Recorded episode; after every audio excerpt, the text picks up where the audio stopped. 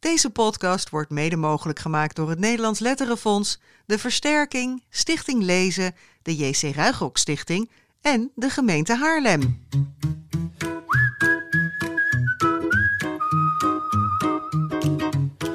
Ja, we zijn er weer. Na een grote vriendelijke pauze van twee maanden zitten we weer als vanouds in kinderboekwinkel Kiekeboek om de dertigste, Dertigste, hè? dertigste aflevering van onze Ja. kinderboekenpodcast op te nemen. Mijn naam is Bas Maliepaard, kinderboekenrecensent van Dagblad Trouw. En tegenover Ja. mij zit, u hoorde hem al... Ik kon mijn mond alweer niet houden. hè? Jaap Frieso van jaaplees.nl. Jaap, we hadden in de aflevering met Marloes Morshuis aangekondigd dat we er een maand later gewoon weer zouden zijn. Maar dat liep even anders. Nee, ook kinderboekenresistenten hebben vakantie nodig soms. hè? ja.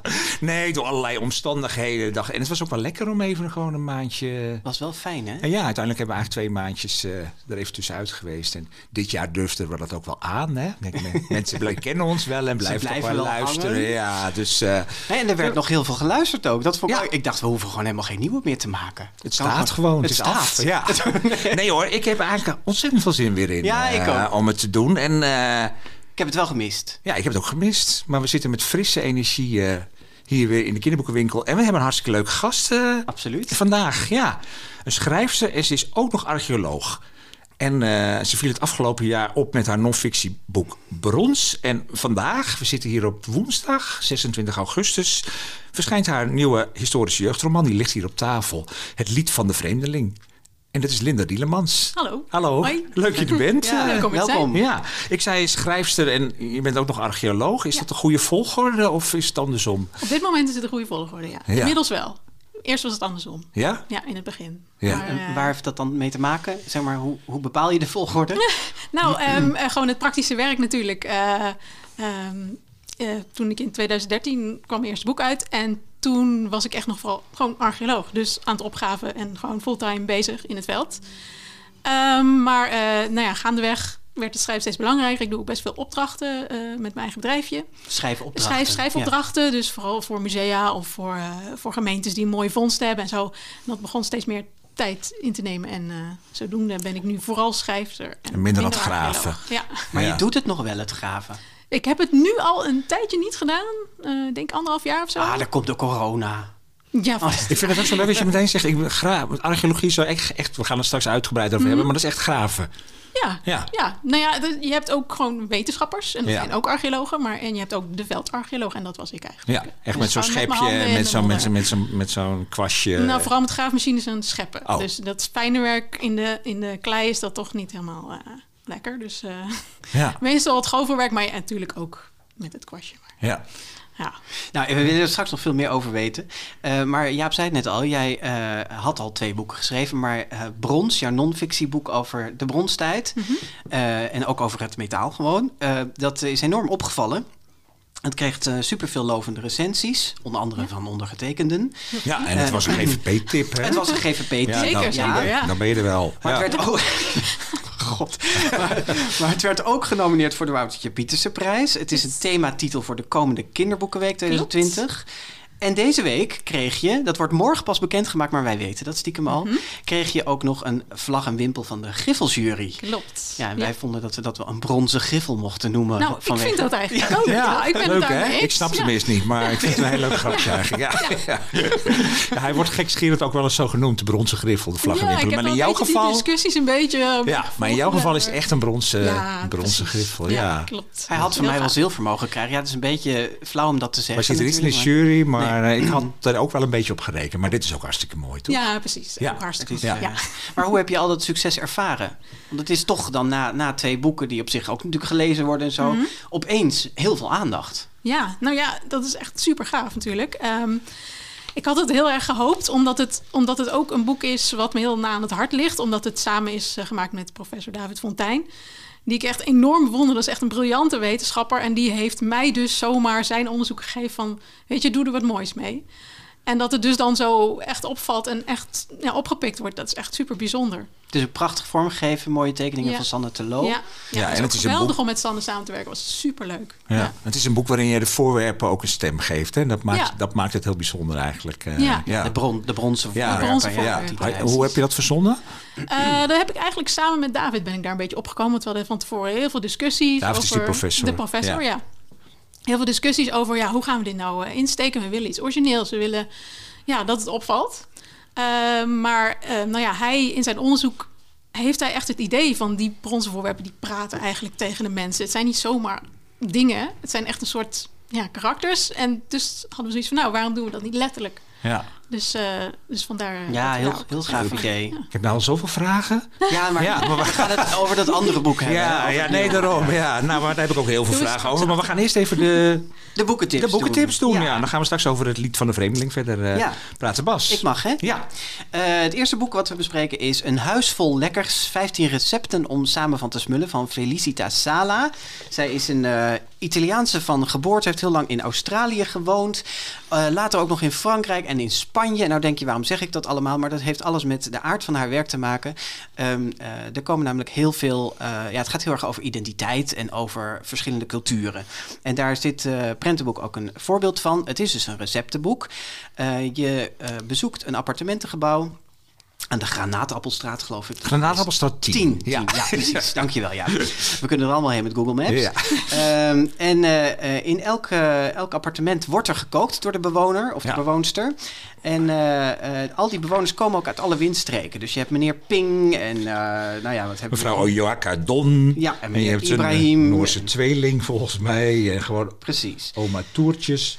Ja. ja. dus het is uh, juffrouw Ishida heb ik hier. Dat is een Japanse dame. En, en wat uh, maken ze allemaal? Nou ja, um, vegetarische en niet-vegetarische gerechten. Uh, zoet en zout. Alles door elkaar. Of hartig noem je dat dan. alles door elkaar. Maar dus uit, uit alle windstreken komen die gerechten ook. Dus ik heb hier nog, nog steeds juffrouw Ishida voor me. En zij maakt oyako don. Dat is rijst met kip en eieren. Ja. Maar uh, en het is niet echt een recept. Het is wel, er staan wel recepten in, maar op de linkerpagina heb je steeds een hele mooie grote print van, van degene die het maakt. Hè? Ja, en dat is fantastisch, want dan heb je dus echt een inkijkje in de interieurs van ja. deze mensen. En dan zie je ook meteen een beetje geschiedenis. Nou, bijvoorbeeld meneer uh, Melville. Die dan met, met ingeblikt scheepjes zit. En wat je die denkt zal oude zeeman, zeeman geweest ja. zijn. En ja. ik heb hier uh, Jeremiah. En uh, ik spreek het bewust zo uit, omdat ik op de achtergrond Tom Waits zie. Een poster van Tom Waits. Ja. En hij maakt chocolate chip cookies. Dus ik denk dat dit een Afro-Amerikaan is. Um, uh, van geboorte in elk geval. Want ik weet niet waar die Granaatappelstraat is. Maar in elk geval komen ze uit allerlei hoeken. En dus linkerpagina interieur. Rechterpagina zie je ingrediënten getekend. Dus dat is ook echt prachtig gedaan aquarel en kleurpotlood. Ja. Uh, heel, ja, echt warm. Feestelijk ziet, warm, Fe- ja. ja. echt Ja. heel sfeervol boek. En het boek eindigt fantastisch. Daar zeggen we misschien nog maar niet te veel over. Maar nou, jawel. Wel? Ja? Ja. Oh, Oké. Ze maken allemaal een gerecht om Ja. dat samen met elkaar in de tuin aan een lange tafel te gaan eten. Ja. En En daar dan zit- zie je ze ook allemaal door dat appartementgebouw lopen op de Met voorplein, hun- hè, met hun gerechten. En dan uiteindelijk zitten ze dan in de tuin met Ja. al die gerechten. Ja. Echt En eh, ja, dat ziet er zo fijn en feestelijk uit. Ja, het is echt een beetje comfortfood, vind ik, Ja. wat er allemaal in staat. Ja. Ehm, het is getipt door Otto Lengi en Rachel Koe. Ehm, maar daar mogen mensen ook de getipt door de grote vrienden Ja, podcast precies. sticker Dat overheen plakken. Het staat belangrijker, voorop. En ik heb Ehm, hier voor met Jemima en Rosie. En die hebben bananenbrood met blauwbessen gemaakt. Ja, en dat heb ik ook gemaakt. Nee, ik dacht, we moeten er één proberen. Dus ik heb eh, dat bananenbrood gemaakt. Er Ja. staat hier blauwbessen, maar misschien is dat Vlaams. Dat weet ik niet. Wij, wij zeggen toch blauwe bessen? Blueberries. Ja, blueberries. Ja, en je hebt het gemaakt, hè? We Het hebben ligt voor onze neus liggen. allemaal. Ja, het, is radio, maar goed. Ja. Eh, Ik dacht, we doen het toch maar. Ja. Leuk voor Jij hebt het nog niet geproefd, hè? Nee, we gaan... Nee, nee, nee, Nee. nee. Ik heb net gesneden, dus jullie mogen bloed eerlijk zijn. Want het is een recensie van het boek en niet van Ja, ik liet het net aan jou zien. Linda. En toen zei ik, het lijkt eigenlijk al wel... Dat is niet een belediging, maar als een soort opgraving eigenlijk. hè? ja. Ik ga straks alle lagen analyseren. Ja, ja, dat grapje wou ik graag horen. Ja, ja, Weet ik. ja. maar er zit banaan en blauwe bessen in. Ja, nou daar gaat hij hoor. Neem maar Nou. een hap. Oh. Mm. Nou, ik hoef niet te liegen. Nou, Nee, hij is echt heel lekker. Ja. Technicus, Mark? Ja. ja. Boekhandelaar Jessica. Ja, nou, we zitten allemaal te smikkelen, Lekker. mensen. Zullen we hem niet helemaal opeten, want dan wordt dit Oh. 10 We minuten lang weer mee. Ja, eten jullie maar door, dan ga ik gewoon naar het volgende. Maar wacht even, dus we kunnen boek. dus concluderen dat in elk geval dat recept geslaagd Dat is. Dus recept als je geslaagd. het koopt, heb je Nou, het één leuke goed is ook wel, recept. het zijn niet allemaal hele ingewikkelde, hoogstaande Nee, nee, en nee. moeilijke recepten. Het is heel toegankelijk. Het is voor mij heel leuk om met kinderen te maken. Dus eh Echt, en ik, ja, eh, dat woord wil ik eigenlijk bijna nooit gebruiken. Maar ik vond wel echt een pareltje ook hoe het eruit ziet. Ja. En Ja, prachtig. onontdekt pareltje, dat hebben wij ontdekt nu. Ik ook. Ja, Ja. Nou, het volgende boek vind ik ook wel een pareltje. Is eh, wel al wat bekender. Dat is Het Verlangen van de Prins van eh, Marco Kunst. Maar een kunstenschrijver die ik al wel een tijd volg. En een interessante schrijver. Maar die, hij is volgens mij ook filosoof van zichzelf. Of dat heeft hij voor gestudeerd dan, Ja, zeg maar. Nee, ja. Zo word je niet geboren. Nee, maar, hij, is, hij is filosoof. Ja, dat kan, je kan ook zo geboren worden. Werd jij ja. als archeoloog geboren? Nee, dan niet. Maar met filosoof kan ik me wel een beetje voorstellen. Ja. Maar was je al wel hebt. snel in de zandbak met schepjes en zo? Nou, eh? mijn ouders vertellen mij dat ik eh, vroeger zand heel vies vond. Oh, Oh, Maar dat kan ik me niet meer herinneren. nee. Nee. Maar eh, wel, ik was wel bezig met schatten zoeken en zo. Dus naar beneden kijken, op Ja, stoepen. ja. En, dus, ja, kijken Zat of er toch wat wel iets in. Ja. ik wou Ja. echt een hele foute grap maken. Ja, doe maar niet. Nee, ik ga Nee, eh, maar Marco is dus filosoof. Die schreef tot nu toe ook een aantal boeken die altijd wel een beetje... Ook daar soms iets, of ja, wel vaak iets mee te maken hadden met de filosofie. En ja, gewoon interessant schrijven. Maar dat ik wel vaak dacht van... Heel hey, divers wel, Ja, heel divers. Maar ik dacht, daar, moet, daar zit meer in. Er moet nog eens een boek komen eh, waar ik helemaal van in de gloria ben. En dat ligt er nu. Nou, maar ik vond Kroons ook geweldig. Nee, ze ook hebben. Maar dat is toch nog wel weer ja, wat ingewikkeld. Ja. En, eh, weet je, en dit is gewoon een heel fijn toegankelijk boek. Eh, het Verlangen van de Prins gaat over een jongetje, hoe heet hij ook alweer, Lode. eh, die aanmonstert op een, eh een driemaster. En die driemaster, dat is een schip wat al heel erg lang op de zeeën rondvaart. Eigenlijk al eeuwen. Want als je eenmaal op dat schip eh, bent en je hebt aan de prins, over de prins gedroomd, dan kom je ja. er niet meer vanaf.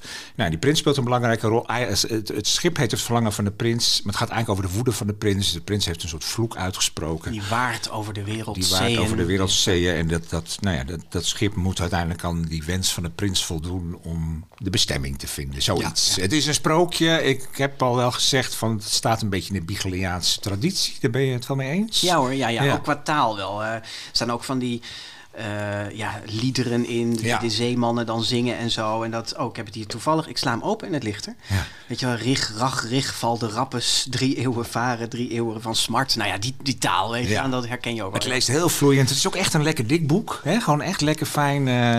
Ik denk, en hij heeft ook de Waadse Waak van Natterlanden gemaakt. Dat Ja. was ook een beetje in die sprookjesrichting. Maar dan vind ik... Dit sprookje is Dit-. Ja, vind ik het sprookjesachtiger. Het is met illustraties van eh Marieke Nelissen. Mag ook gezegd worden. Want daar staan een paar echt heel erg mooie...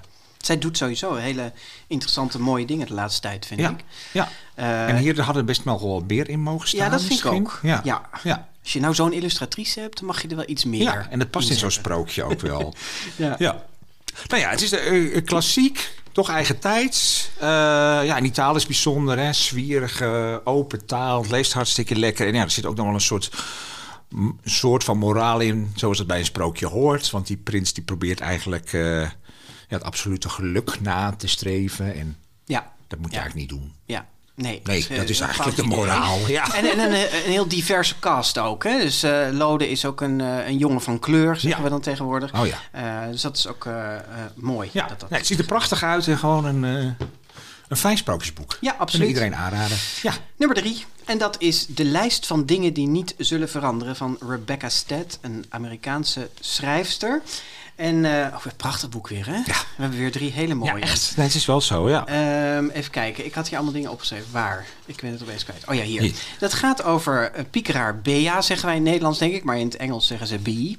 Eh zij is 12 en zij woont in New York. En zij blikt terug op, eh, dat, op het jaar dat zij tien was.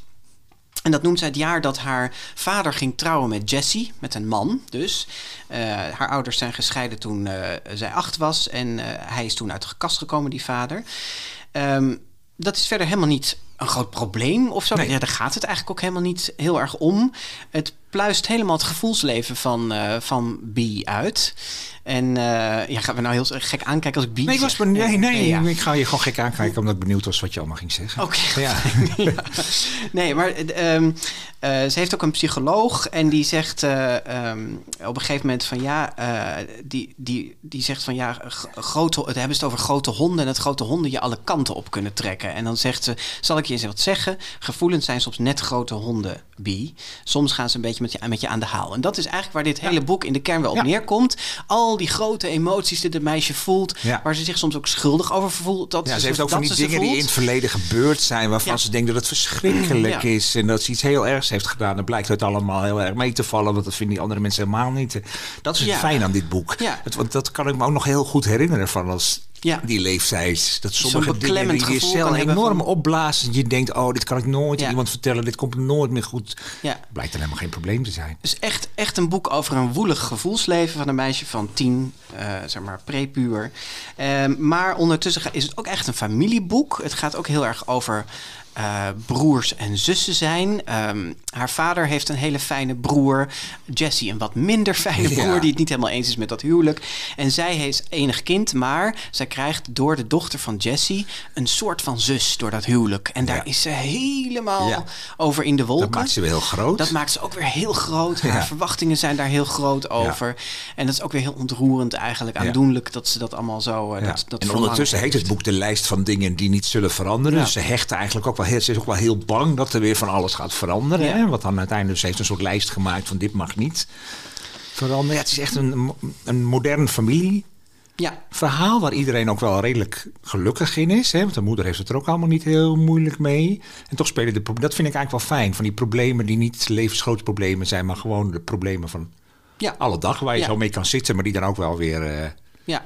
Ik hoorde een podcast met Rebecca Stead en eh, die zei dat ze hierin geprobeerd heeft om eigenlijk alle schrijverstrucjes los te laten en gewoon echt zo dicht mogelijk bij eh, het personage te komen, bij het gevoelsleven van, Oh, oké. van B. En ehm, ja, niet na te denken over van, oh, ik kan hier een cliffhangertje doen en ik kan dat, weet je, alle trucjes Nee. weg en gewoon heel puur te schrijven vanuit dat gevoel. En dat is wat mij betreft wel heel ja, erg wat grappig. Dat wist ik niet. Hè? Het, is haar, ja. het is haar tederste boek tot nu toe, Ah, vond ze ja. zelf. Ja, nou, de lijst van dingen die niet zullen veranderen. Het is ook vertaald door Jenny, Jenny de Jonge, hè? Ja, Querido. uitgegeven Querido. Het receptenboek was van David Fonds Invloed ook, dat hebben we niet gezegd. En eh, nou ja, als je dat allemaal nog wil weten, dan kun je dat teruglezen op onze, onze website, de grote vriendelijke podcast.nl. Absoluut. Zat er een boek bij eh, dat je, wat jij mee naar huis zou willen nemen? Ja, die van Marco Kunst die staat al op mijn lijstje. Dus Kijk. die eh, sowieso. Heel goed. Ja.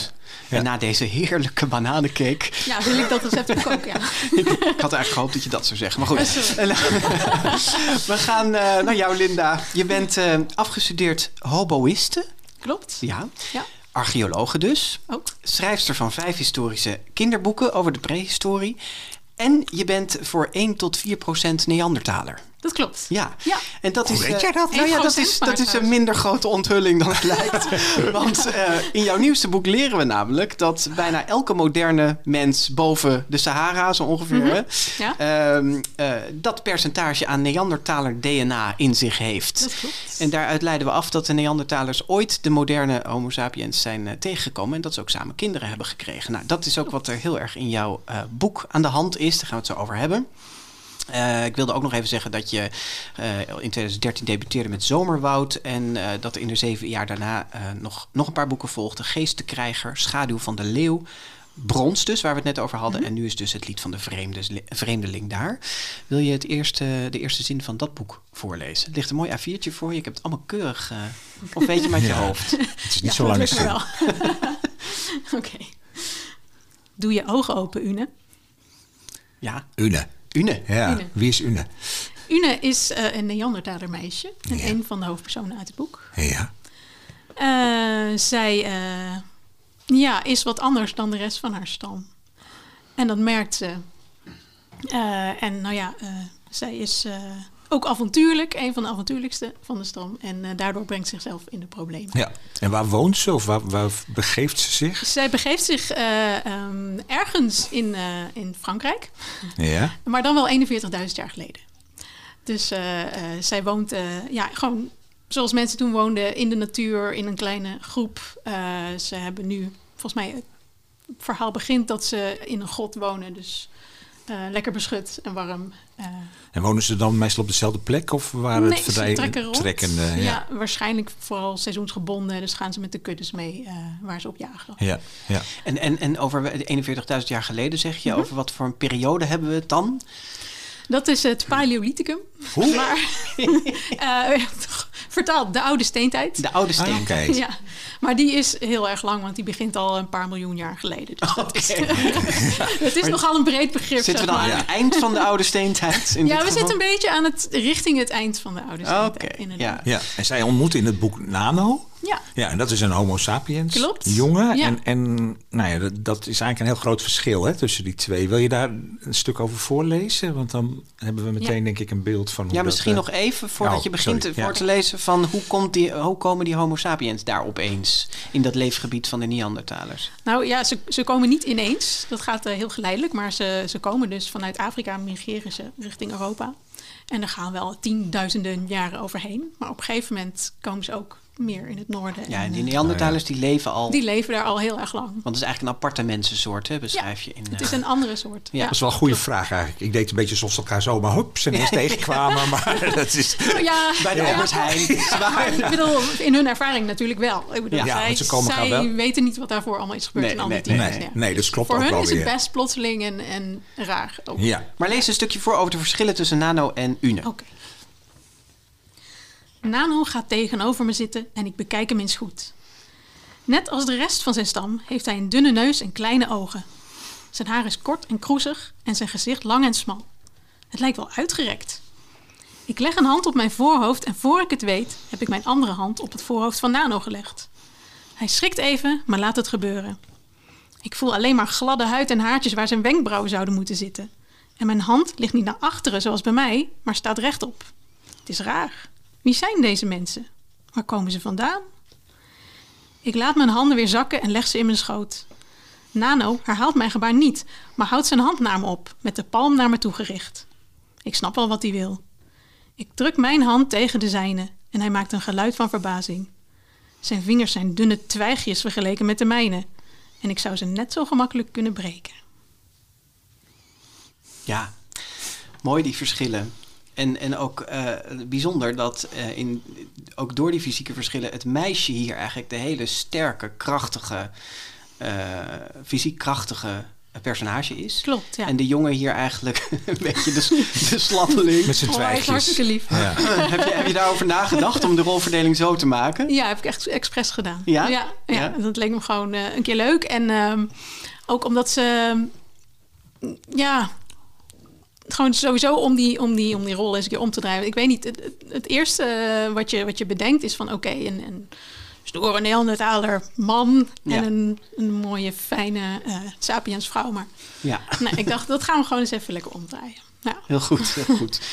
Hey, ehm, eh, zometeen meer nog over deze nano in Une. Maar wat ons wel opviel is, ja, al je boeken gaan eigenlijk over die prehistorie. Waarom kies je die tijd? Ja, dat klopt. Nou, eh, omdat ik vind dat er te weinig aandacht is voor de prehistorie. Überhaupt niet alleen in boeken, maar ook gewoon in het onderwijs. Als je de kanon van Nederland bekijkt, ik weet niet of jullie die een beetje enigszins kennen, maar dat is dus de leidraad voor geschiedenisonderwijs op basisschool en voortgezet onderwijs. Dan eh, begint het, eh, ja, het is nu laatst weer een beetje om, dus er is één extra venstertje voor de prehistorie. Maar het begint eh, bij de, de hunebedbouwers en dan, eh huppakee, zijn we weer bij de Romeinse tijd. Nou, dan Ja. gaan we er 2000 jaar overheen waar niet over gepraat wordt. En eh, voor die hunebedbouwers, ja, een beetje over jagers en verzamelaars, maar Maar wa- waarom Bijna is dat niet. in jouw ogen belangrijk dan? Omdat we daar meer naar kijken, naar die tijd? omdat dat 99% van onze geschiedenis is. Ja, dat, Ja. die laatste 1% dat is... En dat is Ja. de rest, zeg Ja. maar. Wauw. Dus, eh, dus het, is, het is gewoon heel jammer dat. Ja, waar, en het is, er gebeurt van alles. Mede door die tijd zijn wij geworden wie we nu zijn. En daar wordt eigenlijk niet echt, vind ik, niet genoeg aandacht aan besteed. Dus Nee. vandaar dat ik dacht, nou, die periode is zo lang. Kan ik zoveel uit kiezen? Dan ga ik gewoon even daarover richten. En dan specifiek voor kinderen ook, hè? Want dat, Ja. daar heb je voor gekozen. Lag dat voor de hand?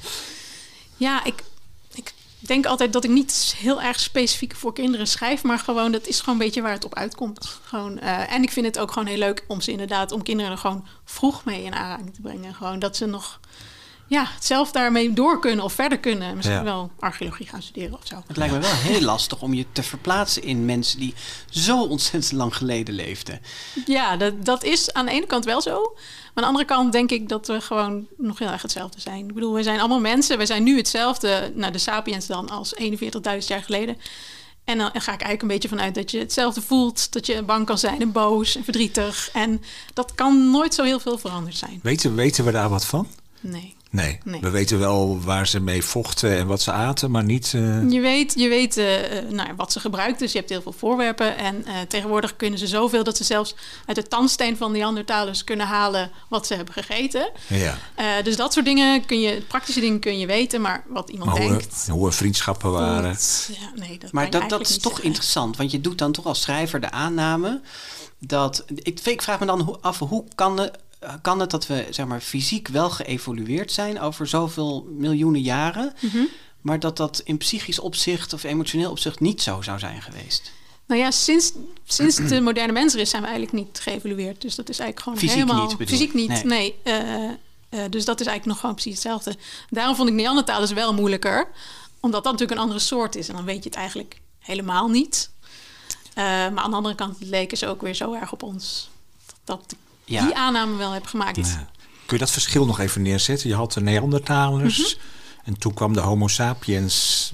Dat zijn mensen? Waren de Ja, dat, dat Neandertalers, zijn wij. Waren Neandertalers geen mensen? Ja, wel. Ook Ja. een andere soort. Alleen Ja, soort maar kun je dat iets nog uit... Wat, wat, Ehm, want daar gaat het boek ook heel erg over, hè? Ja, dat... ehm, ja, wat, eh, even denken hoor.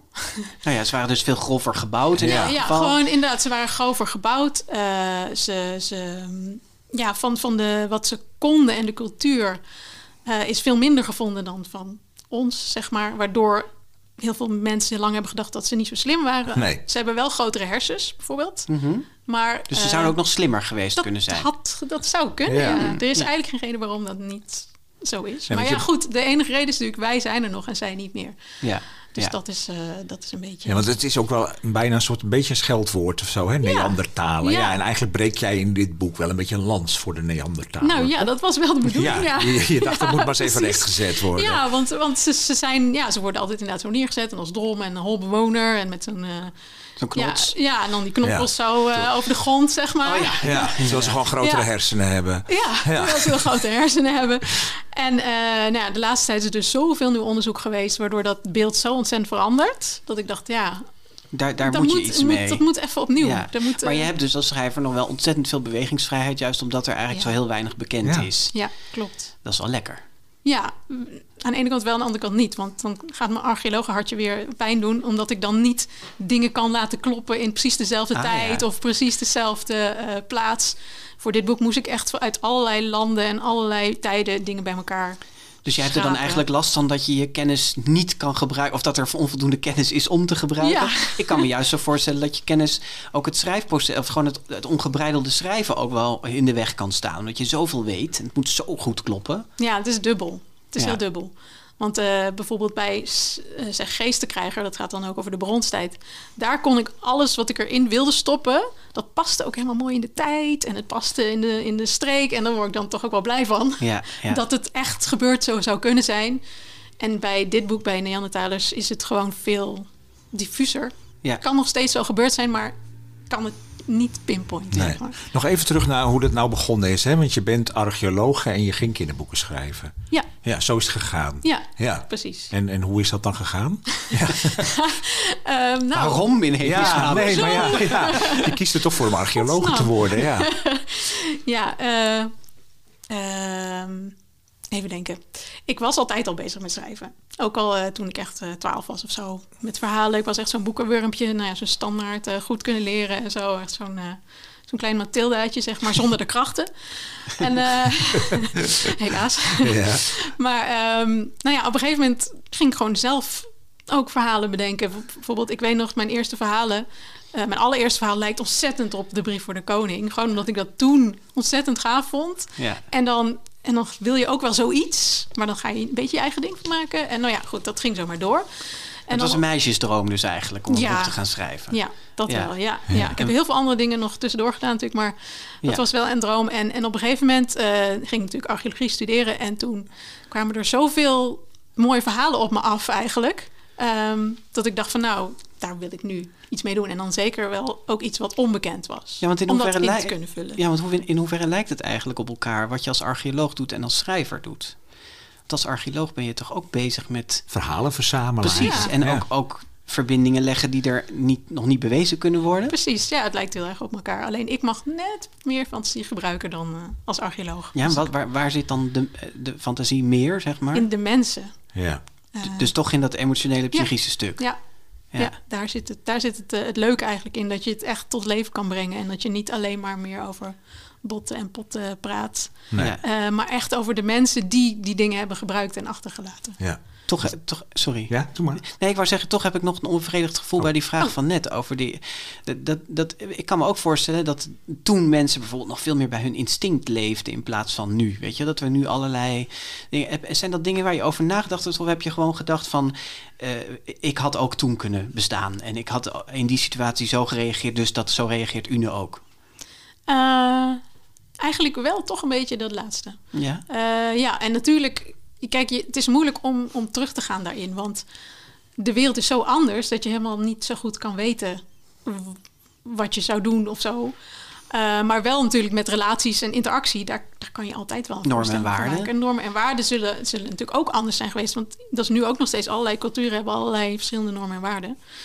Dus probeer er gewoon een beetje in te schipperen dat het, dat het en vreemd is en anders, maar toch, toch wel herkenbaar is. Omdat gewoon je, je bent een mens en een mens is, is in principe best wel een bazaal wezen als je alles wegstript. Een vat vol emoties. Nou, precies. Ja. Zoals, Ja. zoals B in het boek van Rebecca dat. Nou, ja, dat is niks ik veranderd in al die miljoenen nee, jaren. precies. Nee. Wat heb jij deze twee... Het gaat over echt twee hoofdpersonages. hè? Die, die, heb je die ergens naar gemodelleerd dan ook? Of heb je die verzonnen? Want ik kan me voorstellen dat er nou, een soort archetypes zijn in de archeologie. Eh, nee, deze heb ik echt wel verzonnen. Zo, Ja, want je laat Ja. ze uiteindelijk... Ze kunnen eigenlijk ook niet met elkaar communiceren. Nee, Nee. nee. Dat, dat is gewoon iets meer wat ik van ik denk, ja, dat lijkt me logisch. Als zij helemaal vanuit de, de Levant komen of waar dan ook. eh, en, en het is ook nog een andere soort. Eh, en een ander werelddeel. Dus dan, als je dan bij elkaar komt, denk ik niet dat je elkaar kan verstaan. Nee. Nee, en dat doe je heel slim, hè? want ze, zijn- ze komen dus om en om, elk in een hoofdstuk steeds aan Ja. bod. Dus vanuit Nano en vanuit Une geschreven. En langzamerhand, ze gaan met elkaar ja, eigenlijk een grote tocht ondernemen, die twee. En leren ze elkaars taal ook een beetje eh, spreken. En eigenlijk komen er ontzettend veel thema's in voor die ook, ja, je begint al te lachen, die helemaal ook eh, met de huidige samenleving te maken hebben, zou je kunnen zeggen. Ja. Ehm, eh, nou ja, je, je trekt meerdere parallellen. De manier waarop eh, volkeren met elkaar omgaan. Hè. Je, je zou xenofobie erop kunnen plakken of discriminatie. eh. Ja, maar ook de behoefte om te verbinden, om juist bij elkaar te horen. Ja. Want zij nemen eigenlijk allebei ook een beetje hun volk mee in dat contact. Hè? Ja. Er ontstaat iets tussen die twee, kan ik het stammen noemen? Of volkeren? stammen, goed. Stammen, ja, Ja, er ontstaat iets tussen die twee Ja, stammen. precies. Gaat later ook weer mis. Ja. Zoals dat nu ook. Zoals ja, een beetje de realiteit is. Ja, zoals dat nu ook. Ja, maar daarom, ik, ik vond het ook heel eigenlijk, ja, in die zin leeft, lijkt, leest het ook wel weer als een, beetje als een modern, Maar ja, oh, Roman echt, voor nou ja, in elk Ja. geval als een, als een relevant boek ook voor deze tijd wel. ja. Ja, dat hoop ik. Ja. Ja, maar dat is ook echt de opzet geweest. Ik zie je zo driftig knikken. Nou, nee, ja, het is, het is natuurlijk iets wat ik zelf ook wel heb herkend tijdens het schrijven. Want eigenlijk was mijn uitgangspunt gewoon eh, rehabilitatie voor de Neandertaler. en Ja. veel meer had ik nog niet eh, om mee te beginnen. En, en nou ja, zo'n boek groeit dan. Eh, en, en ja, sowieso was dit, was dit best een moeilijk boek, vond ik. Omdat meestal heb ik al wel wat voorwerpen die ik wil... of een soort verhaallijn al van tevoren die... die ehm, archeologische vondsten, zeg maar, die wijzen dat al een beetje uit. Dan weet je al een beetje waar het naartoe gaat, maar bij deze had ik echt nog geen idee. Dus eh, Dus dit, dus dit was echt from scratch. ja, ja, Ja, ja. Ik kan me trouwens ook voorstellen dat je niet in al, ik weet niet wat je precies gestudeerd hebt in archeologie, of je daar dan ook weer een bepaalde periode in Ja, dat gespecialiseerd is best bent. wel gespecialiseerd al. Ja, dus je, dat Was is niet zo dat je in al die periodes... Dat was niet deze. Nee, dat was niet. Maar ik heb wel, ik had nog eventjes in mijn, eh, in mijn mapje gekeken en ik heb eh 90 artikelen gelezen voor eh, onderzoeksartikelen. Voor. Om dit te voor kunnen dit, schrijven. Ja, Ja? ja? Wauw. dat is best veel. Ja.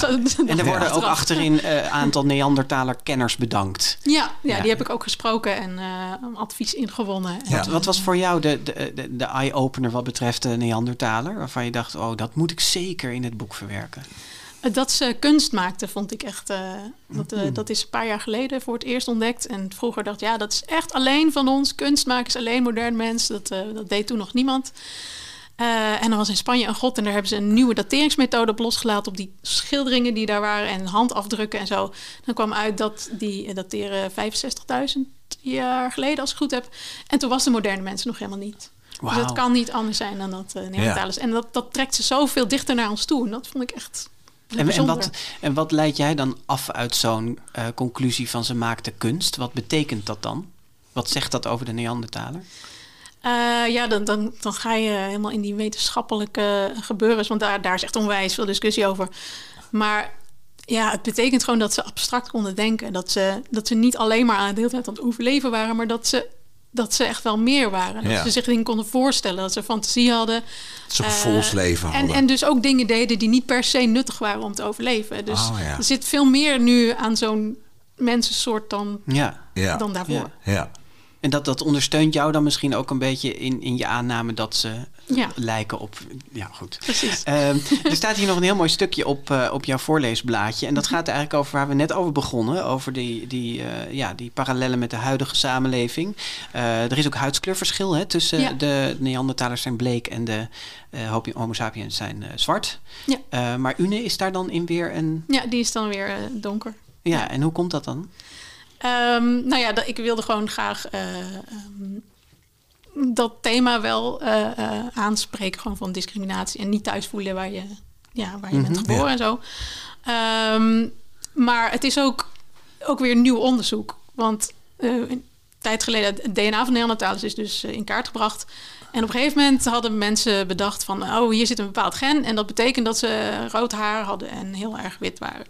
Dus sinds die tijd zijn alle reconstructies van Neandertalers zijn roodharig en heel erg bleek. Eh, maar nu was er daarna weer onderzoek geweest waaruit weer bleek dat dat weer niet zo was. En dat ze waarschijnlijk gewoon dus donkere huidskleur had en dat eh, witte huidskleur pas Veel later. veel later met ja. de landbouw eh, onze kant op is gekomen. Het is nooit af, hè? Het is nooit af. Nee. Dat is juist ook het mooie, vind ik altijd. Ja? Nou, blijft ook- evolueren allemaal. Ja. En in jouw verhaal is het mooie ook dat Une daardoor ook eh, herkend wordt op een bepaalde Ja. manier door de Homo sapiens. En Dus zij voelt daar meer, eh, meer ook een soort verwantschap meteen mee. Zo Ja. Oh, deze mensen lijken ook. Dus zij is een soort brug mij. eigenlijk Maar tussen ook die niet. twee. Ja. Ja, Nee, ja, ja, ja. maar daarmee zeg je heel veel over de discussie in deze tijd ook speelt. Ja. Hè? Over verschil tussen kleur, identiteit en zo. Dat heb je ook bewust zo. Ja, het, het kwam er echt het kwam eruit. Ja. Ik heb er niet van tevoren heel diep over nagedacht van ik wil deze actuele thema's erin. Maar het, het kwam gewoon zo. En als het er dan eenmaal is, ja, dan is het wel mooi om dat uit te werken. Ja, je had het net over die hand, hè? Dus, eh, of, of over grotschilderingen of Mhm. je kunst. Er is dus inderdaad een beroemde, ik kennen veel mensen denk ik wel, zo'n hand die op tegen de muur gehouden is. Mhm. En daar is dan, in jouw boek wordt daar ja, een soort rode eh, verf of Poeder. poeder Ja. omheen Ja, gespoten, verf, waardoor ja. je een afdruk krijgt. Ja. En die zette jij ook op je Instagram in de hele Black Lives Matter Eh, gebeuren. Waarom deed je dat? Kun je dat eens uitleggen? ja omdat, ehm, nou ja, wij komen allemaal van dezelfde voorouder. We komen allemaal eh, uit, dezelfde, uit hetzelfde land, eh, zeg maar dezelfde streek. En, en als je zo'n zo'n hand op een rots zet, dan eh, zie je alleen maar de omtrek. En alles wat daar binnenin is, dat zie je niet. Dat doet er niet toe.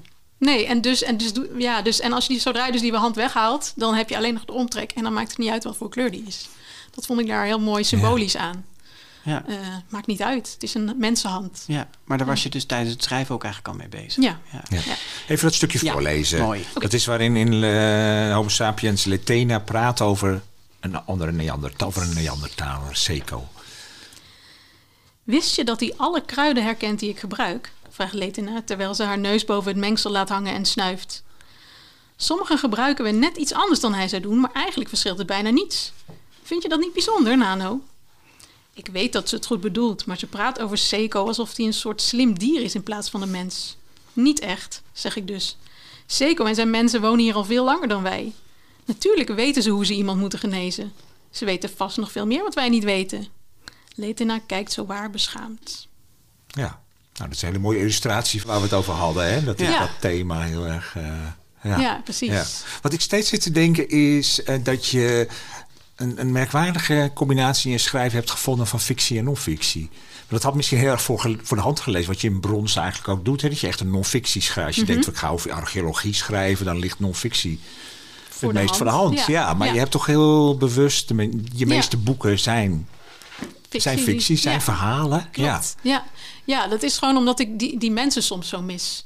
eh, uit de archeologie. Want het- iedereen onderzoekt alles tot in de kleinste details, maar die, die echte mensen, die, ja, Ja. die zijn niet te vangen. En dat, dat wilde ik echt. Het gaat altijd maar over speerpunten en... eh, Scherven. ja, scherven. Ja. Ja. en die zijn heel interessant. Want eigenlijk een archeoloog, ja, je denkt dat hij altijd met spulletjes bezig is, maar het gaat over mensen. Alleen die zijn nou net niet echt te Nee, vangen. en er hebben gewoon mensen geleefd. Ik bedoel, het zijn, die mensen hebben daar gewoon geleefd. Ja, Ja. Die zijn, hebben elkaar Ja, ontmoet. precies. Die zijn, hebben en die van hebben elkaar die pot gehouden. kapot laten vallen. Ja, En ja. dat is, ja. ja. Dus eh, ja, vandaar toch dan de fictie, omdat je daar die mensen terug kan geven, Ja, zeg maar. ik vind het echt fascinerend. Want ik ook de, je vorige of boek daarvoor, De Schaduw van de Leeuw. Dat was mijn eerste boek van jou dat ik ging Mhm. Ja. lezen. En ik moest, merkte toen ook dat ik echt moest wennen om, om gewoon in die wereld te komen. Mm, ja. Omdat het zo, ik had er nog niet zo vaak over gelezen. En het is, het is echt zo'n andere tijd. Hè, Ja. Dat je daar helemaal geen voorstelling van kan maken. Ik bedoel, we- lezen wel meer over werelden die niet onze zijn. Maar Mhm. zelfs als het over de, het hele al gaat, kan ik me daar nog wel iets bij voorstellen. Maar dit, Maar dit- de Neandertaler? Nee, maar ja, dit is echt zo'n ander. Ja. Weet je dat ze met bisons en in grotten en ze lopen Ja. daar wat rond. En ja, dat je echt denkt, wat, Ja. wat is dit? Terwijl jij toch ook 1 tot 4 procent en misschien wel 7 nou, er procent kwam ook wel iets van, er hebt. kwam ook wel iets van familiegevoel. hè. ja, maar dat, kan Ja. je dat voorstellen? Het is zo'n Ja. andere... Het is bijna, ja, het is een beetje buitenaards eigenlijk gewoon. Ja. Ja, het is totaal niet iets wat wij niet meer kennen. We weten gewoon niet hoe dat voelt. En eh want iemand vroeg mij laatst van, ja, zou je dan eh, terug willen in die tijd? Ik zo, ja, op zich wel, maar ik zou het nog geen twee dagen volhouden, denk ik. Want ik weet gewoon niet wat ik moet doen. Nee, nee. geen nee. idee. Ik kan het wel in mijn hoofd weten, maar eh, ik heb geen idee. Nee, maar dat is allemaal heel... Dat is ook logisch, maar het is allemaal heel oer, hè? Ja. Het is heel... Dat vind ik ook echt wel mooi aan, je, aan hoe je schrijft. Dat is allemaal heel... Zintuigelijk. zintuigelijk. Het is veel met, nou ja, de, de, de, hoe noem je dat? De elementen. Hè? Ze leven natuurlijk altijd buiten. Dus Mhm. Ja. het is met weer en wind en met bloed en met... Ja, Maar dat Ja. je zijn ze ook allemaal echt heel gewend. plastisch. Oh, sorry. Ja.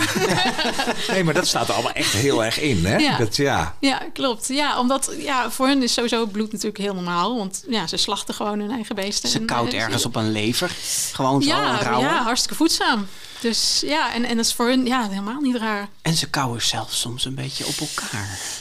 Ja. Bij hebt hoge het- uitzondering. Het cannibalisme zit erin. Ja. Is dat ook een, een historisch gegeven dat de Neandertalers elkaar verorberden? Verorberden? ja, daar zijn echte aanwijzingen voor. Maar ook bij Sapiens trouwens ook genoeg. Oké. Dus dat, dat doen ze allebei. Wij, Ja. wij deden dat ook. En Maar je keek er wel een beetje schuldbewust nu bij. Zo van, Ja, of je dat misschien niet op had moeten schrijven. Ja, nou, het is vooral omdat, eh, omdat mijn eh, redacteur, nee, vooral eigenlijk eh, de uitgever, die zei van, nou, moet dat nou? Ja? ja. Nou ja, je staat wat dat betreft ook een beetje in de traditie van Rob Ruggenberg, Ja. die dat ook heel erg deed. Hè? Ja. Die hele heftige dingen zo opschrijven. Ja, maar ik doe het en niet omdat het, omdat het heftig is, maar ik doe het vooral om deze, die, dat cannibalisme is echt een van de weinige hele concrete dingen die je hebt gewoon van de Neandertalers en van Sapiens, die het in mijn boek dan nu niet praktiseren, maar, Nee. maar echt nog tot de 19e, 20e eeuw deden ze het nog. Ja. Dus ehm, wij, moet ik dan zeggen. Ja, wij ja, ja. nog. Dus maar je doet het, is- omdat het realistisch is. Ja. om- Ja, om- omdat het, en, en omdat het misschien ook om je erover na te laten denken van... Het klinkt nu heel gruwelijk, maar eh, voor hun is het iets heel moois. Zeker als die hoofdman... Nou, spoiler, Nee, ja, spoiler. spoiler, nee, Maar, nee, eh, dat gaan we niet zeggen. Ja. Dus het is voor hun, voor hun een soort eer. En Ja. dus je kan ook anders naar dit soort dingen kijken. Ja, precies. Ja. Hey, even naar eh, iets anders wat me ook heel erg, waar, wat een hele belangrijke rol in het boek ook speelt. Ehm, dat is het goddelijke. Hm. Ehm, want Une, die, eh, ja, die doet iets heel ergs aan het begin van het boek. Laten we niet te veel spoilen, inderdaad. Maar zij voelt zich daar vreselijk schuldig over. En ze heeft het gevoel, ik moet eh, ja, vergiffenis vragen aan, eh aan Ohe. Ja. En Ohe is de moedergod. Het is Mhm. ook een, een vrouwelijke eh, schepper eigenlijk van de aarde. Ja. Ehm, en die moet te vinden zijn ergens in grot. En dat is de tocht eigenlijk die Nano en Une samen ondernemen. Ja. Dus die Ja. zoeken naar Ohe. Is, is daar iets over bekend? Dat, dat, ja, of, de, of de Neandertalers of de Sapiens eh, daarover nadachten? Ehm, daar- bij Neandertalers wordt het, ja, is alles lastiger, dus dit ook. Eh, het is gewoon minder bewaard en je weet het niet zeker. Ehm, maar bij Sapiens is het zeker eh, bekend dat er gewoon dat zij dachten dat er meer was, in ieder geval meer was tussen hemel en aarde. Eh, er zijn heel veel bijvoorbeeld beeldjes. eh, er zijn, eh, nou ja, je hebt die grottekeningen die ook, ja, waarom zou je dat doen? Het, het, gaat er meer om van, Ehm, is dit praktisch wat ze doen? Dan ga, vanuit de archeologie, hè? Is het praktisch wat ze doen? Nee. Waarom doen ze het dan? Dat is natuurlijk dan heel moeilijk, maar dat moet dan iets te maken hebben met de leefwereld, met de cultuur. Eh, en, en zeker in grot, ik weet niet of je er wel eens geweest bent in zo'n diepe grot. Of heb je, heb je wel eens van die tekeningen gezien? Ik weet niet. Maar die, eh, ik heb er een paar gezien. Maar In dat, Frankrijk Ja. ergens, weet ik. Ja. dat is echt magisch. En dat je denkt, het is zo donker daar. En je moet er dus heel veel moeite voor doen. Je moet zorgen dat je genoeg licht hebt, anders dan verdwaal je. En, en dan ga je daar helemaal meters, honderden meters naar binnen. En dan daar in dat donkerste ding, daar ga je dan iets maken. En dat is zo onlogisch. Dat Ja, het bijna wel iets Van moet aanbidding. of- betekenen. Ja, of Ja. wat dan ook. Ja, maar je Eh, zegt dan van de, bij de Homo sapiens weten we daar meer van, maar je laat het juist bij de Neandertalers Ja. in dit boek gebeuren. Ja, hè? dat lijkt me wel mooi. Omdat zij dus ook wel die godtekeningen maken, heb ik die, dat lijntje even een stukje doorgetrokken. Ja. Eh, want ja, waarom niet, denk ik dan. En, en dat het dan een, een, een vrouwelijke schepper is, dat eh, is in jouw boek Schaduw van de Leeuw is dat ook zo. Ja, hè? Dat is de, de moeder. De moeder. Ja, de moeder. wordt de dan- moeder van alles. Ja, is, is dat omdat het allemaal aardser is, eh, dus moeder aarde? Of he- zit daar gewoon ook een verborgen age- feministische agenda achter? Feministische archeologen, ja. Nee, het, is, eh, het heeft natuurlijk daarmee te maken met het concept van, van baren. En ja, dat, dat kennen zij gewoon goed. Want dat heeft ook gewoon, dat, dat is ook naast je liggen gewoon de vrouwen te baren, zeg maar. Als Ja. Dus dat hebben ze gezien. Daar komt dan een baby. Dus dat het is nieuwe een- leven. Het nieuwe Ja. leven. En ook ehm, voor, eh, zeker van Schade van de Leeuw, je hebt van die, je hebt beeldjes van hele dikke vrouwen. Mhm. Echt enorm voluptueus zijn ze. Eh, en die worden echt bijna overal gevonden. Wat er dus, nou, archeologen denken, ik weet niet zeker of ik het daarmee eens ben. Maar dat dat dan een soort moedergodin is die dan wordt eh, aanbeden. Gewoon die vruchtbaarheid, dat dat zo belangrijk is. Ja, dus de vrouw is gewoon de bron van het leven. Ja. In een hele aanschouwelijke zin. Dat zien ze Ja. om zich heen. En dus waarschijnlijk ook in godsdienstige zin. In jouw boek Dat zou geval. heel goed kunnen, ja. Ja, ja, ja. Ja, en dit soort dingen kan je niet bewijzen. Dus nou ja, weet je. Voordat iemand, eh, als iemand tegendeel bewijst, dan ga ik er helemaal voor. Maar tot die tijd. eh, Nee, maar het, het, het viel ons Ja, wel op. Hè, dat, ja. dat ja, maar ik vind ook wel mooi dat je die vrijheid neemt om dat toch een beetje zo ja. op je eigen manier neer te zetten. Anders Ja. wordt het echt non-fictie. ja, precies. En Ja. Dat, is, dat is het gewoon niet. Nee. Nee, dus eh, ja. Maar je neemt het sowieso gewoon f- wel voor de vrouw. Weet je, de vrouw speelt gewoon een belangrijke eh, eh, rol in jouw werk, zou je Ja. kunnen zeggen. Klopt. Ik memoreerde net voor de uitzending ook nog even dat er in Brons, daar zijn dus ook fictieverhalen tussendoor, Mhm. waarin twee meisjes ook verliefd zijn. Nou ja, dat kun je eruit concluderen, Ja. dat ze verliefd zijn op elkaar. Dat mag. Ja, ja. dat mag. ja, ja. Ja. Maar wa- waarom doe je die, die- Ja, dat komt toch. Ja, nee, het komt wel natuurlijk over. Het is, het is niet dat je denkt, oh, dat heeft ze er allemaal in zitten stoppen of zo. Niet geforceerd. Dat bedoel ik eigenlijk te zeggen. Nee, dat hoop ik ook Maar je denkt wel van, het valt in die zin wel op dat je dat doet. Dus is het, het is wel iets bewust. Het is een bewuste keuze, lijkt het. Ja, ja, het is toch gewoon een soort landsbreken voor Ja? meisjes. En, Ja, ja? En gewoon waar- meer, meer, eh, gewoon wat meer, eh, ja, dat is wat meer, ja, ik wou zeggen agency, maar dat is zo'n stom Engels woord. Maar dat ze gewoon, ja, gewoon de tegenhanger van de theories en de grijzejagers, gewoon meisjes. En eh, dat wordt natuurlijk tegenwoordig nu al best wel vaak gedaan, dus daar ben ik echt niet zo heel uniek meer in. Maar ja, ik denk dat het toch belangrijk is om het, om het gewoon erin te stoppen zonder dat je het echt door hebt. Ja. Gewoon meer voor vrouwen, want ze zijn toch nog steeds nou ja, minder. eh, ja, het was toch laatst een onderzoek. Hoeveel procent van de kinderboeken jongens als hoofdpersonen hebben, of meisjes, Ja, of eh, mensen van kleur of wat dan ook. En er zijn meisjes toch ook nog steeds ver in de minderheid. Zeker in de, in de stoere rollen. Ja, en dat, dat kun jij natuurlijk heel goed neerzetten. Juist die Ja. stoere rollen. Hè? Want het ja, is één als... jagen ze allemaal, terwijl het natuurlijk Ja, heel lang ja, werd gedacht van meisjes jagen niet, want die gaan Nee, verzamelen. nee man. Nou, mooi niet. Nee, ze leggen hier gewoon bizons Ja. en buffels Oh om. ja, zeker. Ja, en, en ook andere, Met gewoon andere wezens. Ja, ja. Precies. Ja, ja ik, maar ik denk ook, ja, weet je, je kan het nooit zeker zeggen. Je weet, dit weet je allemaal niet, dus waarom zou ik het dan niet gewoon lekker erin stoppen? Nou, het is een soort Nee. historische empowerment. ja, dit. precies. Ja, Eigenlijk, mooi. ja, precies. Ja. Ja. Hey, word, zit ik me af te vragen. Het is een rare vraag, maar waar word jij gelukkig van? Word je gelukkig van die archeologie, zeg maar? Is Ja, dat... zeker. Ja, en, en, waar, waar, Waar- komt, en waarvan komt dan? dat? Ja. Nou, omdat je, nou ja, het- ik vind het zo gewoon, ik vind mensen gewoon zo interessant. Gewoon waar we vandaan komen, van zeg maar van, van zo'n vuistbel. Maar als je mensen naar- interessant vindt, ga je psychologie studeren, geen archeologie. Nee, juist, juist die evolutie vind ik, eh, Ja? vind ik interessant. Van hoe zijn we gekomen van, van echt uit die bomen op de savanne tot gewoon dat we raketten de, ruimte insturen. Zeg maar. dat, ik vind het echt wonderlijk en fascinerend. En, en ook gewoon die fantasie die wij hebben als mensen. Gewoon, wat verzinnen we allemaal niet om de wereld om ons heen te duiden, zeg maar. En, en in die archeologie zie je dat steeds een beetje terug. En kan je dus eh, ja, bijna duizenden jaar gewoon terug eh, naar je voorouders of nou ja, hoe dan ook. Maar ja, gewoon dit waren wij ooit en nu zijn we dit. Weet je, hoe, hoe werkt dat? Ja. Dat vind ik echt fascinerend. Ja. Dus ik kan ook heel blij worden van een scherfje. Gewoon Ja? dat dat dan weer zegt dat daar iemand was die dat en dat maakt. En die weer Ja. had contacten weer met daar en met daar. En zo verzin je Leuk, gewoon een heel ja. verhaal. Ja. Want het heeft iets freakerigs bijna, hè? Met dat, Oh ja. Ja, Ach ja. ja Nee. vind ik wel. Als je daar in dat pulken dan zie je zo'n scherfje. Oh, je, dan moet, denk je zou eens een keer op een Toch? feestje moeten komen waar alleen archeologen zijn. Ja. Je weet niet wat je hoort. gekke lui. Wel Ja. heel gezellig altijd en veel bier, maar... Ja, Maar ook goed, dat geldt ook alleen maar voor... ja, je moet ook niet op een feestje komen Het waar dat. Nee, klopt. Misschien we een keer ook wel iets ja. Nee, maar ik bedoel dat serieus. Weet je, dat, dat, het is, voor mij is dat niet. Ik denk, ja, je vindt een scherfje. Nou, boe. Ja. Weet je, maar dat, Ja, nee, dat, dat ik staat dus voor goed. iets heel groots. Ja. En jij wordt daar gelukkig van. Ja. Dat is toch prachtig? Het is een enorm netwerk waar dat, dan, dat scherfje dan in past. En dat is dan heel mooi. Ja. Het goed, is echt het ontbrekende scherfje, Ja. zeg maar. Ja. Ja. Linda, je zei er straks, het is 99% van onze geschiedenis, die prehistorie. Eh, betekent dat ook dat je er nog eindeloos veel boeken over kan schrijven? Of loop je ook wel tegen de eh, beperkingen aan dat je elke keer weer moet schrijven over mensen die bisons neerhalen en eh, weet ik veel, eh, bonte jasjes naaien en noem maar op. Weet je, daar zit, ja, Ja, nee, daar heb je wel gelijk in. Ik had nu ook wel zoiets van, oh, dit is wel weer, weer die vlaktes en speren. Precies, En, eh, ja. en op een gegeven moment wordt het dan inderdaad, zeker de prehistorie is heel lang, want het gaat ook nog over de ijzertijd. Dat is allemaal nog steeds prehistorie, dus er is nog wel wat te doen. Maar die, die echte hele oude steentijd, moet ik in ieder geval denk ik nu even pauze van nemen. Want Op pauze. anders, ja, Die gaat op Ja, pauze. want dan denk je, oh, ze moeten in gevaar komen. Wat zal ik eens doen? Oh nee, leeuw Ja. heb ik al gehad. Een mammoet heb ik ook al gehad. een auto-ongeluk. Oh nee, dat kan niet. Ja, er zijn wel veel parallellen tussen het lied van de vreemdelingen en de schaduw van de Dus leeuw. dat kan bijna niet anders. Nee. Omdat het gewoon dezelfde wereld eigenlijk Ja, is. maar als je pauze in- neemt van die tijd, naar welke tijd gaan we dan?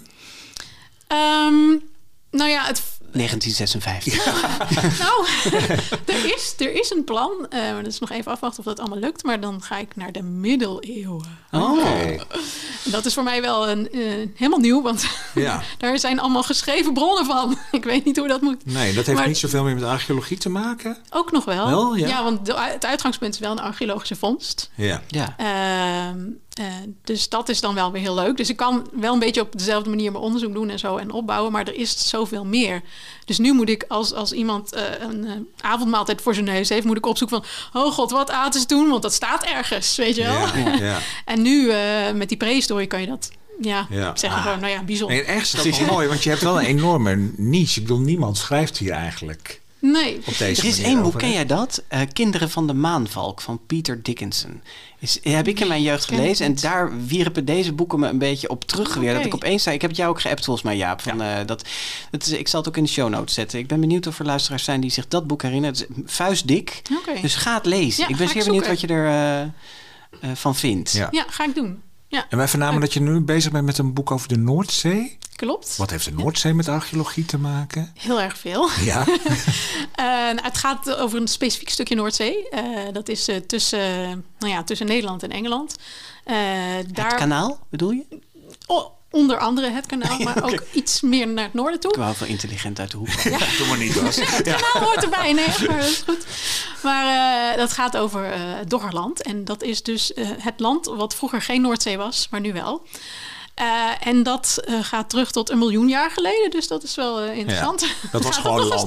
Dat was gewoon land Ja, je toen. kon gewoon lopen Ja. van, van Nederland naar Engeland. En, en het mooie is dat daar, nou ja, nu is dat dus onder water. En, maar op stranden, bepaalde stranden hier in Nederland nu, vind je nog heel veel prehistorische voorwerpen. Ik zag jou met een, wat was het? Een mammoetkies of Zeker, zo? ja. Op, op Instagram? Ja, heb ik gevonden daar. Oh ja? Waar? Waar? Gewoon op, op de zandmotor. Dat is onder Den Haag. Wauw. Want eh, de grond, ze hebben daar zeg maar zand opgespoten om dus Ja. de kust te beschermen. Dat, eh, maar die, dat zand komt uit midden uit de Noordzee, waar dus vroeger al die prehistorische beesten en mensen eh, liepen. Dus al die vondsten, die liggen nou allemaal daar. Dus daar moeten we nu allemaal naartoe als we een mammoetkies willen hebben. Ik zou het doen. Die lag daar gewoon. Die lag daar gewoon. Gewoon zoals een schelpje vindt. Ja. Nou ja, Zo lag ja. het daar. En dat is iedere keer weer anders. En de ene keer vind je niks en de andere keer vind Of je... moet je er archeoloog voor zijn om dat te vinden? Nee. Dat Nee? Ik Jij begint ook enthousiast te worden. hè? Ik merk het ja, ik zou waarschijnlijk gewoon denken, daar ligt een steen. niet. Ja, het ziet er wel, ja, misschien moet je een beetje dan eh, even opzoeken van Ja. wat je zou kunnen vinden, zodat je het herkent. Maar eh, ja, en dan komen ook regelmatig speerpunten naar boven. Of, eh, zelfs... Of we nemen de volgende podcast gewoon op het strand daar op. Dat is een goed idee. Hey, dit wordt een, er wordt dit, wat wordt dit voor boek? Dat wordt weer meer een non-fiction. Nog meer. Bronsachtig, maar wel ook weer met die fictie erbij. Ja. Eh, ik denk niet dat ik dit keer de voorwerpen laat praten, maar goed, het moet nog echt beginnen. Dus, ehm, dus het, dit moet nog, eh, het is een Ja. work in Het is progress. eigenlijk Ja. wel heel gevaarlijk om er dan wat over te zeggen. Maar goed, Ja. wij zijn blij. Het staat op de tape. ja, precies. ja. Ehm, Nou ja. We gaan... eh, Ja, eh, even dit boek afronden. Ja, heel keurig. ja, een hè? boek ja, het afronden. lied van de vreemdeling. Het ligt er vanaf vandaag. Het heeft een prachtige voorkant. Martijn van der Linden. Martijn van der Linden. Hè, met Ja. een, een, een vulk- ik durf bijna niks te zeggen. maar Het is een vulkaan, toch? Ja, dat is een boek. Ja. Ja, en, en dat is ook een heel spannend onderdeel van het boek. Hè? eh, heel anders, ja. Daar hebben we het helemaal nog niet over gehad. Maar goed, Nee, er is een vulkaan eh, uitbarsting. Ja, als je een soort oranje boek nu in de boekwinkel ziet, heb je Ja, een dan grote is het kans dat het een boek is. Dus het is uitgegeven bij uitgeverij Leopold en Ja. het is voor kinderen vanaf 10 jaar. Zoiets. Ja, Ja. precies. Ja. Ja, ja. Nou, Nou, hartstikke le- leuk. nee, ik wou zeggen 11, 12 denk ik toch wel. Ja, nou ja, goed, Ja, maakt daar niet zoveel uit. zijn, ik weet niet. Verschilt per kind. Ja, per Mag ik nog anders. Één vraag erover stellen? Ja. Want ik ben toch wel benieuwd. We hebben nu heel veel facetten van het boek aangestipt. Maar eh, wat is voor jou, wat jou betreft, de kern van dit boek? Waar gaat het voor jou eigenlijk over? Ehm, nou ja, dat, is altijd, dat zijn altijd een hele moeilijke vragen. Ehm, Het was goed in. ja. nou ja, natuurlijk dat je Neandertalers in een ander licht zal gaan zien. Ja. Hopelijk. Ja. Maar het gaat ook over, over ehm, hoe je omgaat met elkaar. En, en dat het vreemde niet altijd zo heel erg vreemd hoeft Nee, te het zijn. gaat over vooroordelen eigenlijk, Ja. toch? Ja. Ja, dus eh, die, die Nou, twee dingen. Ja? Die wilde ik nog even erop hebben staan. Ja, heel Ja. goed. Ja. Ehm, we gaan eh, het gesprek alweer bijna afronden. Maar niet voor we hebben gehoord welke parel jij eh, op de plank zet in deze rubriek. De grote vriendelijke parel. Nou, dat moet dan bijna wel een historische roman zijn die je hebt meegenomen. Nee, Nee. nee. Nee, dat wist ik stiekem wel natuurlijk, maar dat is extra leuk. Ja, welk boek heb je meegenomen, Linda, voor op onze plank? Ik heb meegenomen The Prince and the Dressmaker van Yen Wang. Ja, je hebt het hier liggen. Ik heb het hier liggen. Ja, het is niet in het Nederlands vertaald. Nee, en ik snap niet waarom, want het is echt een geweldig boek. Waarom? Eh, het is een graphic novel, dus eh, het is geen leesboek. eh, het is een, een, eigenlijk een strip. Oh ja. Ehm, en ehm, ik was hier opgekomen omdat ik zelf misschien heel mogelijk eh, iets met een graphic novel zal gaan doen. Dus ik dacht, ik, weet, ik heb er geen verstand van, dus ik zal eens ga onderzoek gaan doen. En toen zag ik op Goodreads deze heel hoog staan in, een, in een lijstje. Ik dacht, ik ga hem gewoon lezen. En ik was op slag verliefd. ja, de prins en de kleermaakster. Ja, de prins en de kleermaakster. En ehm, gewoon alleen al ook door de stijl ervan, die zo zwierig en, en, en mooi. En, en de, de uitdrukkingen van de, van de hoofdpersonen, maar ook gewoon het verhaal is, is gewoon heerlijk. Het gaat over eh, een prins, prins Sebastiaan. Die eh, houdt ervan om s'avonds uh, stiekem op pad te gaan in vrouwenkleren. Uh, maar dat is natuurlijk een heel groot geheim, want hij is de troonopvolger, dus ja, dat kan allemaal niet. En het is een beetje zo. Uh, Parijs speelt Parijs, het, hè? Ja. Een, beetje, een beetje eind, ja, een beetje begin 20e eeuw, denk ik. Moulin dus het is wel een Ja. beetje ja, die sfeer, inderdaad. En uh, Frances is een, een kleermaakster en zij is. Um, hij moet die jurk ergens vandaan Ja, hebben precies. natuurlijk. Ja. Hij moet ergens jurk vandaan halen terwijl niemand het mag weten. En zij heeft een, uh, had een opdracht uh, voor, want de, prins gaf een bal. Uh, omdat, nou ja, hij moet natuurlijk een, een vrouw. Ja. Logisch. Dus alle meisjes uitgenodigd. En uh, zij werkte in een, in een atelier. En uh, er was een klant die zei van... nou, ik wil helemaal niet. Maak me echt zo lelijk mogelijk als duivel. Dus zij ging alle creativiteit op die jurk uh, leefde uit. En uh, nou ja, het was geweldig. een grote schande in, Oh, nee. uh, in de society. Maar de prins, Die vond die vond hem geweldig. Ja, precies. Dus, uh, dus die, uh, die uh, vraagt haar in het geheim om voor hem te ontwerpen. En het wordt een groot succes. En hij heeft een heel alter ego in het nachtleven. Niet te veel zeggen, hè? Niet Nee. te veel zeggen. Nee, maar het klinkt, Maar nu ik het is, hoor en het toen... is heerlijk. En, Ja. en je wordt gewoon verliefd op de personages. En je wil dat het goed met ze gaat, met iedereen. En je houdt van ze. En ah, het was echt heerlijk om Nou, te lezen. En- na- dit- dit- Uitgevers. ja, precies. Ja. Ja. dit, Ja. Dit is een staat oproep. in een voorjaar. Ja, het is ook helemaal nog niet zo oud. hè? Het is uit 2018. klopt, ja. Nee. Bij roaring, roaring, brook, Boekpress. Ja, daar moeten we even de rechten op Zo. vragen en dan gewoon laten Zo vertalen. snel mogelijk. En dan, eh, Linda, om het gesprek helemaal af te sluiten, de laatste zin uit je boek. Wil je die vertellen of geeft die te veel weg? Ehm, nee, dat kan toch wel, denk ik. Ja, denk ik. Ja, dat is aan eh, jou, maar ik vind het Ja. wel... Ja. Eh, en ik beging te zingen. Ja, dat is. Nou, dat klinkt als een happy end. Nou, doe maar dan. Toch? Zing Ja. het.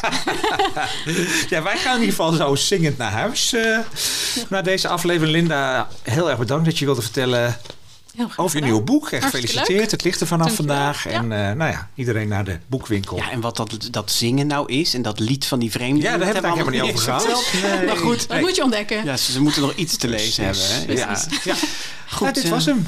Wie, eh, wie is onze volgende gast, Bas? Want dat weten we al, hè? Ja, dat ga ik zo zeggen. Oh. Maar niet voordat we even onze traditionele smeekbeden voor sterren en reviews in iTunes hebben afgestoken.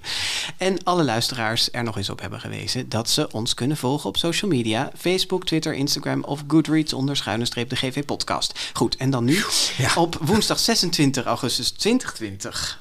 2020 mensen. Namen we deze podcast op in kinderboekwinkel Kiekeboek aan de Gierstraat in Haarlem. Dank aan onze technicus Mark Brouwer. Ik ben blij dat je me keek lekker Bedankt vond. Jessica van Kiekeboek. Ja, ook jij bedankt. Ja. Eind september zijn we er weer. En dan is bij ons de gast Nou, tadaa. Illustrator en prentenboekenmaker Mark Jansen. Over zijn nieuwste prentenboek Altijd Dichtbij. Ja. En dat belooft iets heel, Heel bijzonders bijzonder. te worden. Ja, dat heeft ja. hij gemaakt naar aanleiding van een reis in, door Nepal. Ja, en dan is het ook bijna kinderboekenweek. Ja, jongens. daarom. Ja, ik ga een stukje bananenbrood nog. eh, Ik ook. Ja, Ja. eet smakelijk. Tot dan. jongens, tot dan.